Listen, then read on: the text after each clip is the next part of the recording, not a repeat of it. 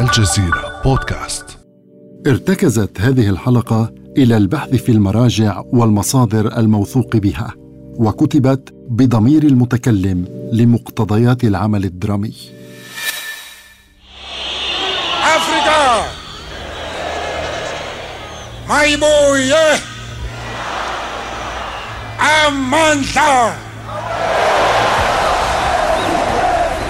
باسم المعركة البطولية التي خاضها شعبنا من أجل العدالة والحرية للجميع في بلدنا.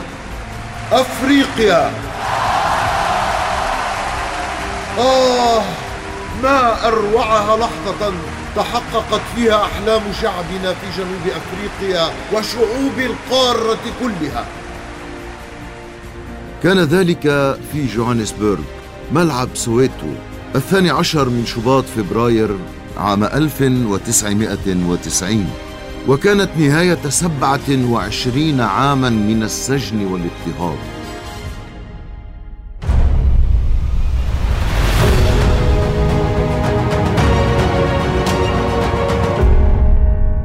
كونوا معي لأخبركم حكايتي. أنا الثائر الذي حرر جنوب أفريقيا من عبودية التمييز العنصري. والمناضل الذي أجبر العالم على الاعتراف بقضية شعبه. أنا نيلسون مانديلا.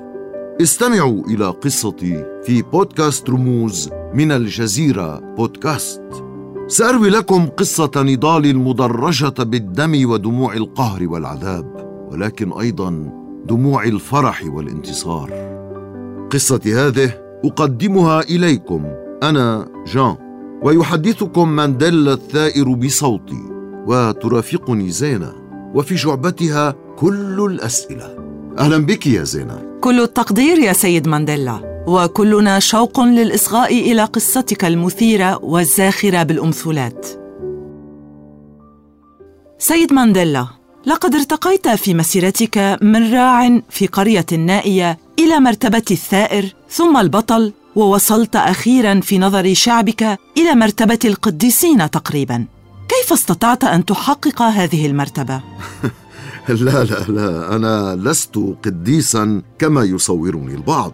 كل ما في الأمر أنني رأيت شعبي مضطهدا ومعذبا وممتهن الكرامة فعقدت العزم على تحريره. في البداية لم أخطط لشيء لكن القدر قادني ورسم مصيري. تعرفين أنا ابن قبيلة وأنتمي إلى أسرة حاكمة ووالدي كان زعيما تقليديا. وفي عامي الخامس كنت في قرية نائية أرعى الماشية. ثم كان لي الحظ في أن أكون أول ولد يدخل المدرسة. ومنذ ذلك الحين عرفت بلقب مثير الشغب. لم يتجاوز طموحي أن آكل جيدا وأكون بطلا بقتال العصا. كان والدي زعيما تقليديا له أربع زوجات وثلاثة عشر طفلا وأنا أصغر الصبيان الأربعة. لم يدخل والداي المدرسة ولكن باكرا تعرفت منهما على تقاليدنا فأعجبت بها. لم أكد أبلغ التاسعة حتى توفى والدي. نقلوني إلى رعاية عمي حاكم قبيلة كيمبو عاملني كابنه. وهناك استمعت إلى قصص عن شجاعة شعبنا. كان لها أثر في مسيرتي. في التاسعة عشرة انتقلت إلى جامعة فورت هير وهي الوحيدة التي كانت تسمح بدخول الطلاب السود. وهناك سمعت للمرة الأولى بحزب المؤتمر الوطني الأفريقي المناهض لنظام الأقلية البيضاء الحاكم والقائم على التمييز العنصري. ولكن قبل تخرجي انتقلت إلى جوهانسبرغ حيث عملت حارسا ليليا في مناجم الذهب ولمست كم يتعرض شعبنا الأسود للتنكيل. يبدو مستغربا استعجالك للتوجه إلى جوهانسبرغ حتى قبل أن تتخرج في الجامعة فيما تنتظرك قبيلة يعيش فيها السود بكرامتهم وزعامتها مضمونة لك. إنها قصة طريفة يا زينه لقد عدت فعلا إلى القبيلة ولكن وجدت الزعيم في انتظاري لتزويجي فورا. قلت له سيدي أريد أن أتخرج في الجامعة اولا. أجابني تتخرج لاحقا. هذه تقاليد القبيلة. يجب أن نؤهلك لتكون زعيما. المثير هو أنه قرر تزويجنا أنا وابنه في يوم واحد واختار لنا العروسين أيضا. ولكن يا للسخرية الفتاة التي اختارها لي كانت مغرمة بالعريس الآخر. فماذا نفعل؟ لم يكن أمامنا أنا وهذا العريس إلا الفرار بعيدا. كانت جوهانسبرغ الصاخبة هي وجهتنا وهناك تبدل مسار حياتي جذريا. في هذه المدينة أتيحت لي ممارسة المصارعة رياضتي المفضلة لكنني لم أصبح محترفا فيها. واستهواني الرقص أيضا وللصراحة كانت لي علاقات طيبة مع حسناوات كثيرات وتزوجت من إيفلين ميسي. لكن هناك أيضا درست القانون ووجدت عملا بمساعدة والتر سيسولو الناشط في المؤتمر الوطني الأفريقي والذي كان له الأثر البالغ في رسم مسار حياتي. لقد استشرف والتر باكرا هذا المستقبل وقال لأصدقائي سيمضي نيلسون مانديلا عمره في السجن لأنه تعاون معي. كان هو المفكر والمحلل وأنا كنت أندفع إلى المواجهة.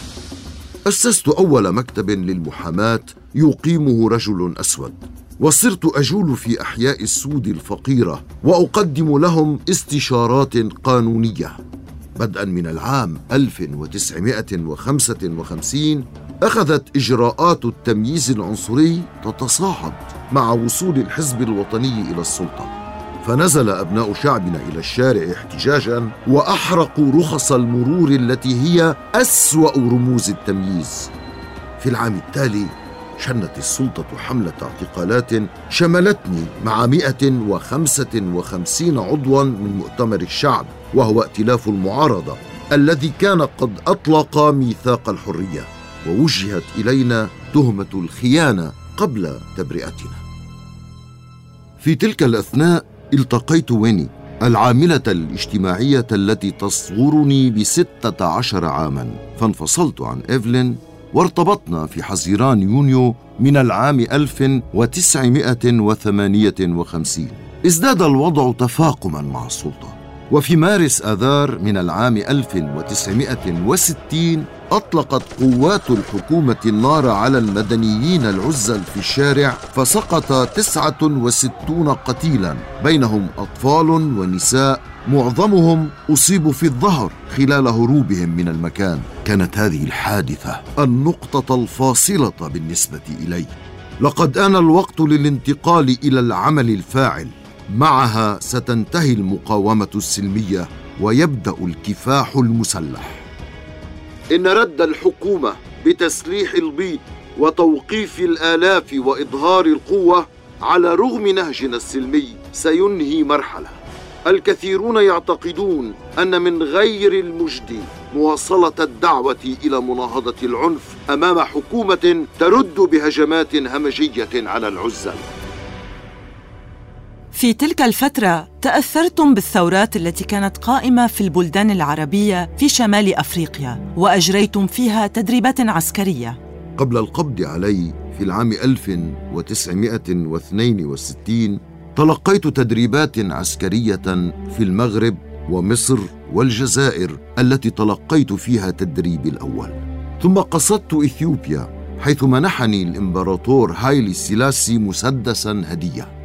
أثناء عودتي إلى بلدي دفنت المسدس في حفرة ملفوفا ببزتي العسكرية. وبعد اعتقالي كنت آمل في استرجاع المسدس لكن الأمر طال سبعا وعشرين سنة. وكانت الجزائر أول بلد زرته بعد إطلاق سراحي العام 1990 اعترافا بأن ثورتها كانت ملهمة لي. والجميع يذكر ردي القاسي على صحفي أمريكي حاول مهاجمتي بسبب دعم الزعيم ياسر عرفات ونضال الشعب الفلسطيني وعلاقتي الطيبة بزعيم ليبيا معمر القذافي ورئيس كوبا فيديل كاسترو. قلت له آنذاك إن أعداءكم ليسوا أعداءنا. وفي أي حال أحد أحفادي يحمل اسم القذافي. وهذه إشارة إلى مكانته عندنا.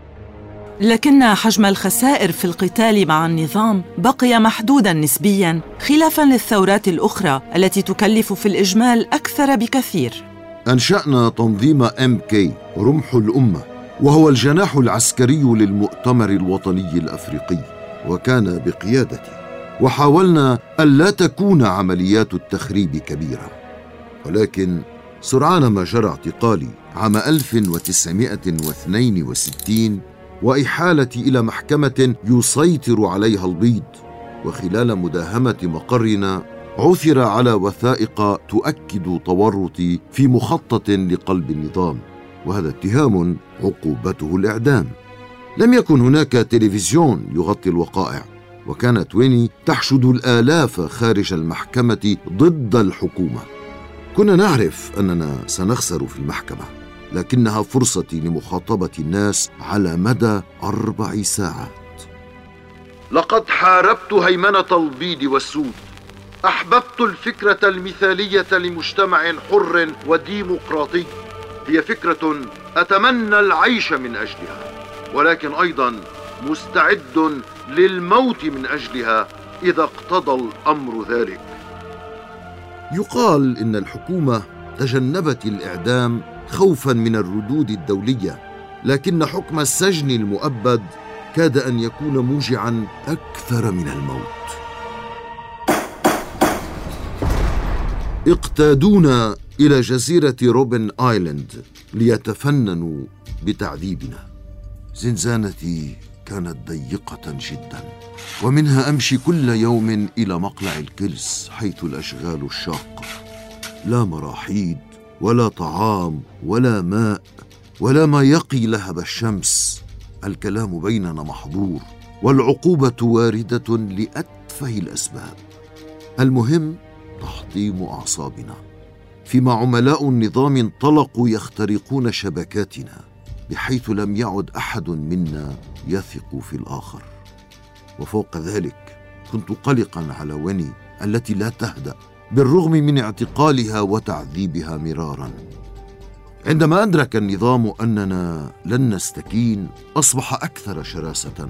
صار يستهدف المدنيين بالرصاص أكثر وارتفعت أعداد الضحايا لكن المقاومة أيضا تصاعدت. وفي المقابل بلغ الضغط الدولي ذروته وأجبرت السلطات على السماح لحفيدة ديليكا بزيارتي. وعموما بدا النظام مربكا وبدأ يفتش عن مخارج لقد عرضوا عليك تسوية قضت بخروجك من السجن لكن التصعيد جاء من جانبك. أي تسوية هذه؟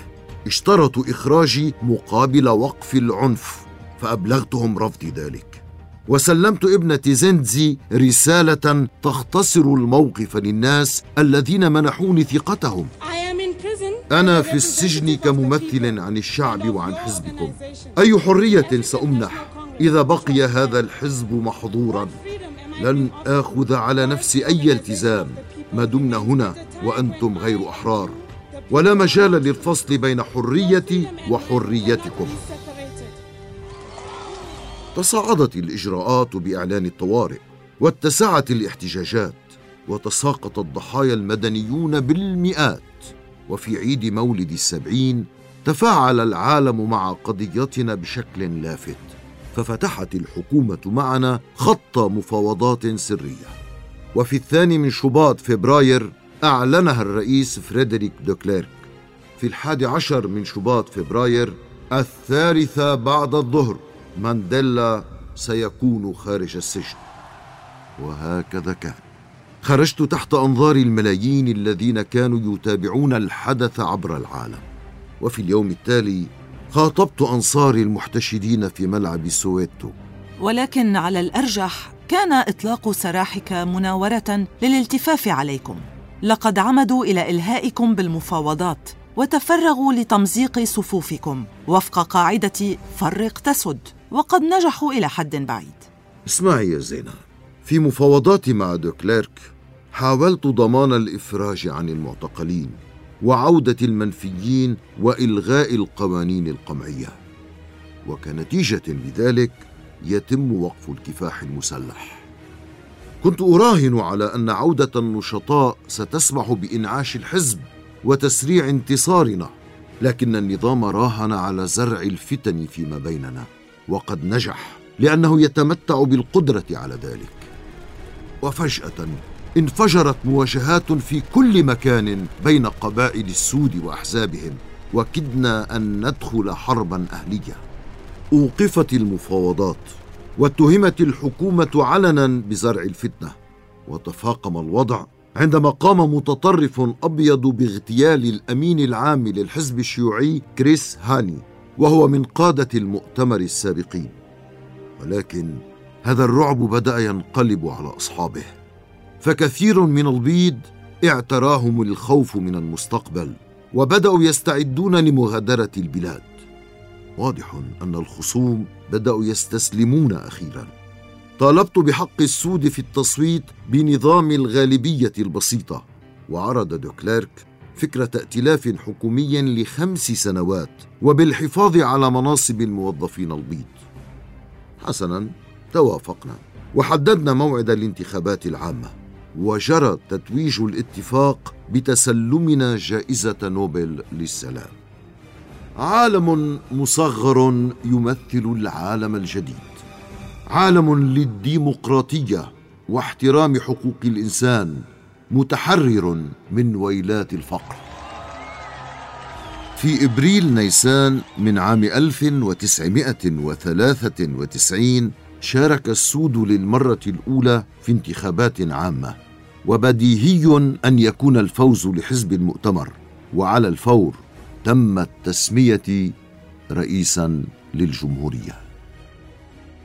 أنا نيلسون روليلالا مانديلا أقسم بأن أكون وفيا لجمهورية جنوب أفريقيا. كيف استطعت أن تكون رئيسا للسود والبيض على قدم المساواة؟ وكيف تغلبت على جروح الماضي سبعة وعشرين عاما من القهر والتعسف والاضطهاد؟ هنا كان التحدي يا عزيزتي زينة. لقد آليت على نفسي أن ألتزم وعودي وأكون رئيسا للجميع. ما أردت أن يشعر البيض بالاستعباد كما كان السود من قبل. وفي كل الميادين كانت الركب من علامات هيمنة الرجل الأبيض عندنا وفي عام 1995 احتضنت البلاد كأس العالم للركب وفازت بالبطولة. سلمت الكأس إلى المنتخب الوطني، وكان كل أعضائه من البيض باستثناء واحد، ولقي ذلك ترحيب كل عشاق اللعبة والشعب. وتكرر هذا النموذج كثيرا. ولكن لم تجري الأمور بهذه البساطة دائما يا سيد مانديلا. نعم، ولذلك أنشأنا لجنة للحقيقة والمصالحة. ترأسها الكاردينال ديزموند توتو أول أسود يترأس الأساقفة عندنا وكان قد سبقنا إلى جائزة نوبل للسلام عام 1984 كان يشجع المواطنين على الاعتراف بالأخطاء والخطايا مقابل العفو وهنا وقعت في مأزق شخصي فزوجتي ويني متهمة بأنها تقف وراء قتل صبي أسود. كان في الرابعة عشرة من عمره بعد اتهامه بالعمل كمخبر لمصلحة الشرطة ولم تنجح في إظهار براءتها. وفي هذا يقول الكاردينال توتو إن ويني تأسفت على مشاركتها في الأمر وإن بعض الأمور تحدث عن طريق الخطأ. في أي حال انفصلت عن ويني وتزوجت للمرة الثالثة. والعروس كانت جراسا ماشيل أرملة رئيس الموزمبيق السابق. اسمح لي هنا أن أنقل إليك الانطباعات فيما يتعلق بحياتك العاطفية وعلاقتك بالنساء. فأنت لم تكن وفيا في هذه المسألة كما كنت وفيا في المسألة الوطنية. أقول لك صراحة أنا أحب الحسنوات. كنت كذلك في شبابي وبقيت وقد عقدت زواجي الأخير وأنا في عمر الثمانين. وقلتها علنا عندما كنت مع الرئيس بيل كلينتون خلال زيارتي لواشنطن. لا أمانع في أن تزورني السيدات الشابات عندما يكن من دون شركائهن. ولكن إذا كنت تقصدين طلاقي من ويني عام 1996 بعد كل النضال الذي خاضته من أجلي ومن أجل شعبنا خلال اعتقالي فاسمحي لي أن أذكرك بالأخطاء التي ارتكبتها. أنا اتهمتها بالخيانة الزوجية وفي العام نفسه أقلتها من منصب وكيل وزارة الثقافة وهو المنصب الحكومي الوحيد الذي تولته. وصارت تعرف بنمط حياتها الباذخ والمسرف.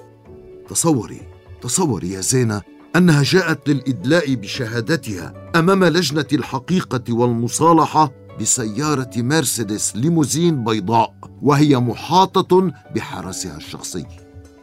في العام 2003 أدانتها محكمة بالاحتيال والسرقة ووصفتها بأنها روبن هود جديد. إذ تجلب قروضا بشكل احتيالي لأناس معوزين في حاجة ماسة للمال وحكمت عليها بالسجن لثلاث سنوات ونصف السنة مع وقف التنفيذ. في أي حال حسنا أنني كنت قد تقاعدت من السلطة آنذاك. فبعد عام 1999 تفرغت لنفسي ولمواجهة الآفة الخطرة التي تفتك بأفريقيا الإيدز.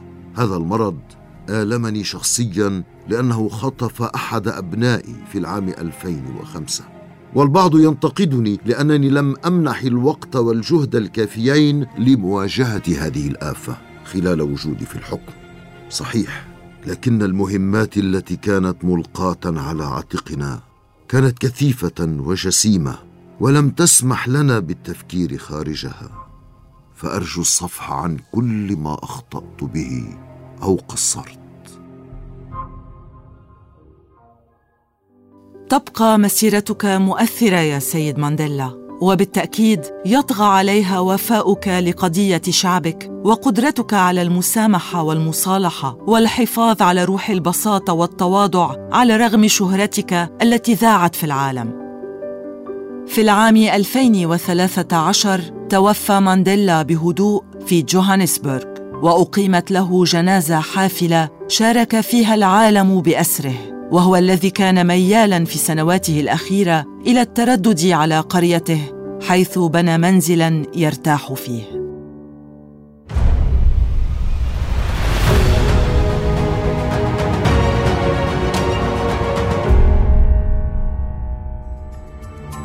في الحلقة المقبلة من بودكاست رموز سنتناول سيرة رمز آخر رحل وترك أثره في حياتنا. يمكنكم الاستماع إلينا عبر Google Podcast أو Apple Podcast أو SoundCloud فقط ابحثوا عن الجزيرة بودكاست كما لا تنسوا مشاركة هذه الحلقة وزيارة موقعنا على الإنترنت podcast.aljazeera.net كان معكم جان. وزينة من بودكاست رموز من الجزيرة. إلى إلى اللقاء. اللقاء.